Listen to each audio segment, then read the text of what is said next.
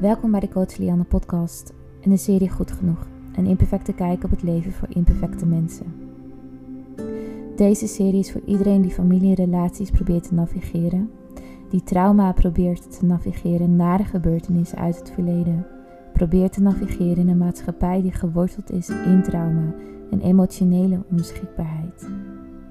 Ik help mensen hun verleden te begrijpen. Ik zet hen in hun kracht en leer hen te vertrouwen op het feit dat zij nieuwe skills kunnen aanleren om oude patronen te doorbreken.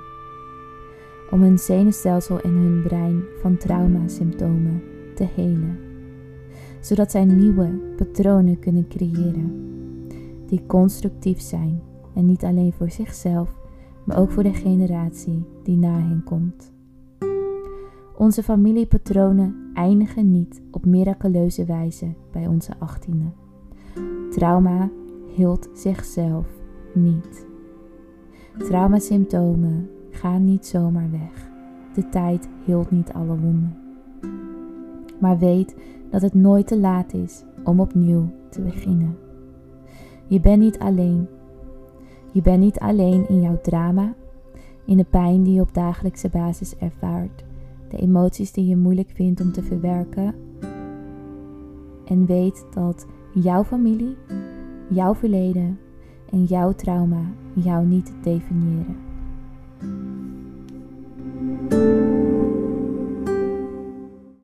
Dag lieve mensen, welkom weer bij een nieuwe Coach Leanne podcast.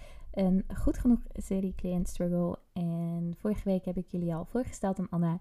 En dit is de tweede sessie die ik met Anne heb, die ik graag met jullie bespreek en aan jullie voorleg. En ik ben heel erg benieuwd überhaupt wat jullie van deze nieuwe Client Struggle series vinden. Uh, en ook van de Goed Genoeg series. Uh, mochten jullie andere onderwerpen willen die ik uh, bespreek, vragen hebben, let me know. Ik zorg ervoor dat mijn contactgegevens in de show notes staan, zodat jullie ook een beetje inzicht hebben in ja, onderwerpen of over onderwerpen of dingen die jullie willen die ik in de podcast bespreek. Maar voor nu gaan we verder met de tweede client struggle van Anna. Mocht je de eerste nog niet hebben geluisterd, zorg er dan voor dat je de eerste luistert. Die heb ik vorige week online gezet. En um, als je die hebt geluisterd, kom je weer terug bij deze, want dan snap je een beetje wie Anna is, uh, waarom zij bij mij in um, therapie gaat of in, in een traject is gegaan. En waar we vandaag op doorpakken. Het is onze tweede sessie. En Anne vertelt dat ze zich beter voelt dan vorige week. En dit is wat ik vaak hoor na een eerste sessie van cliënten die gewend zijn aan het feit dat ze niet worden ondersteund of gehoord worden door hun omgeving. Je verhaal doen en iemand die hiernaar luistert voor een heel uur lang kan al zo'n grote opluchting geven voor sommige mensen. En er zijn ook cliënten die zich na zo'n sessie zo goed voelen, zoals bijvoorbeeld Anne, dat ze het gevoel hebben dat ze geen sessies meer nodig hebben. Soms hebben ze zo'n grote emotionele kater door het veel delen in een sessie, dat weer terugkomen in een sessie zwaar voelt. Anne begint de sessie met dat ze erover nadacht om de sessie af te zeggen. Hoe ze dit aangeeft is als volgt. Ze ziet het punt er niet van om oude koeien uit de sloot te halen. Ik vraag aan haar hoe ze zich voelde na onze vorige sessie en ze deelt dat ze zich opgelucht voelde en of ze overal wel overheen kan groeien nu. Dus wat doe je als iemand deelt dat ze zich geheeld voelen na een sessie van 1 uur? Je checkt in met hun doelen, die zijn opgesteld. Kijk naar of ze, kijkt ernaar of ze voelen wat ze eigenlijk wilden voelen aan het begin van het traject en of ze staan waar ze graag wilden staan. En je kijkt of deze doelen nog steeds belangrijk zijn voor hen. Je werkt met de weerstand en je probeert hier doorheen te prikken als coach of als therapeut. Ik geloof er niet in dat cliënten een coach of een therapeut tegenwerken, maar dat er altijd een reden is dat iemand vastloopt of niet verder wil.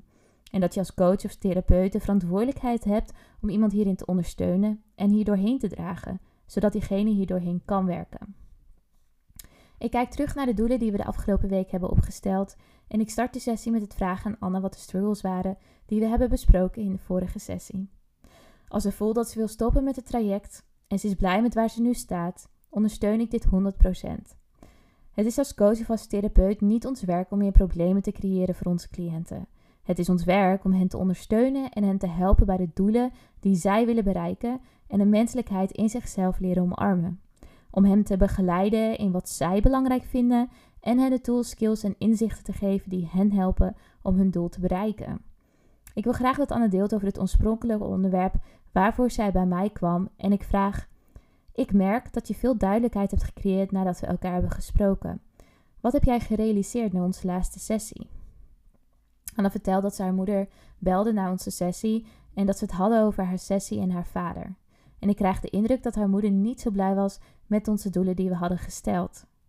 Hoe meer Anna deelt, hoe duidelijker het wordt dat Anna haar moeder in een driehoeksverhouding probeert te houden. Misschien voelt ze zich wel aangevallen door de mogelijkheid dat haar dochter niet meer in dit verhaal wil vast blijven lopen.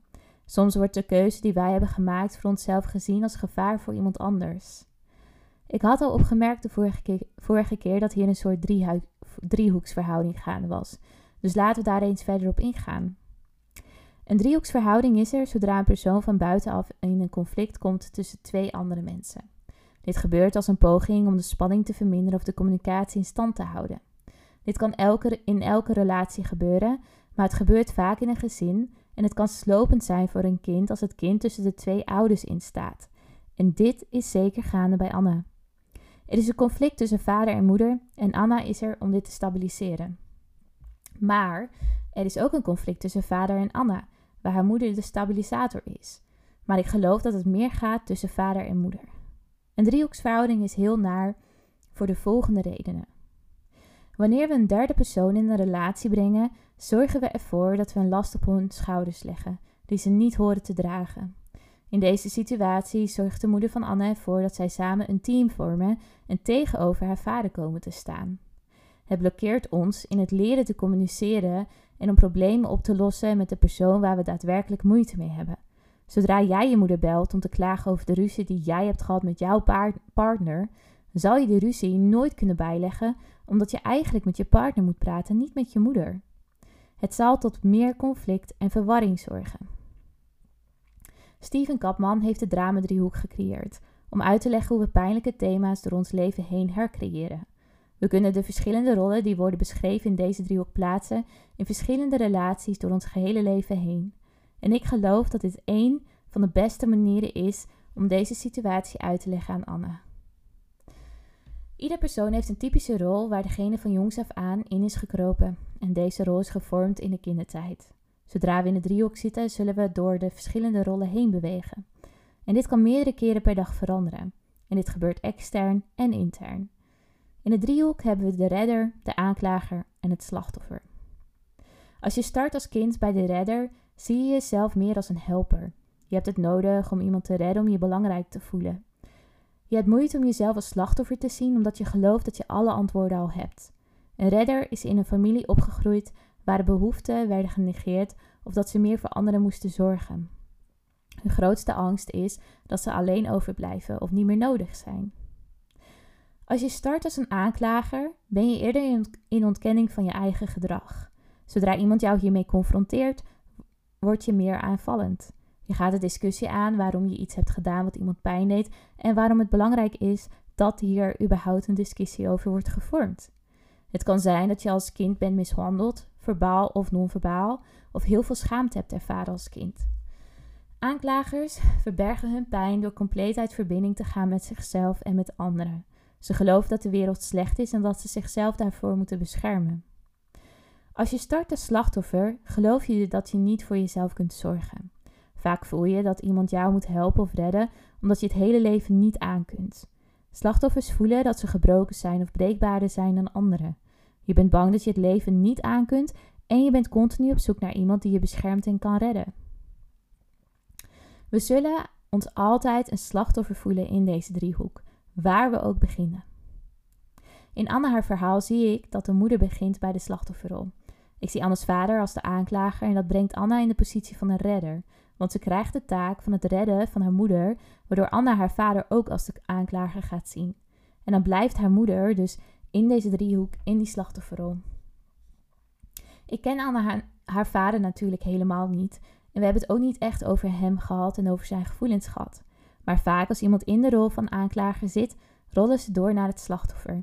En als je de confrontatie met hen aangaat, kunnen ze dingen zeggen zoals: Iedereen is tegen mij. En nu zien we dat iedereen in het gezin eigenlijk in deze driehoek op hun eigen manier het slachtoffer is. Laten we eens gaan naar de reflectievragen over wat je op dit moment ja, hebt geluisterd. Vraag 1. Wat denk jij over de filosofie? Het is als coach of therapeut niet ons werk om meer problemen te creëren voor onze cliënten. Het is ons werk om hen te ondersteunen en hen te helpen bij de doelen die zij willen bereiken. De menselijkheid leren omarmen in zichzelf. Hen te begeleiden in wat zij belangrijk vinden en hen de tools, skills en inzichten te geven die hen helpen om hun doel te bereiken. Vraag 2.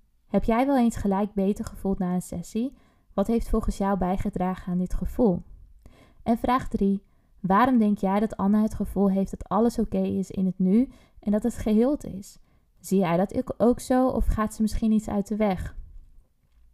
Weet dat je altijd met mij in contact kunt komen via mijn Instagram. Link vind je in deze show notes. En mocht je vragen hebben of opmerkingen hebben, laat het mij weten. Sluit in mijn DM, stuur me een mailtje via het contactformulier op mijn website, die je ook in de show notes kunt vinden. En mocht je vragen hebben of überhaupt een onderwerp hebben waarvan, waarvan jij wilt dat ik een podcast opneem, let me know. Ik zie jou volgende week weer terug in de volgende podcast aflevering over Anne, waarin we verder gaan op dit onderwerp. Tot snel!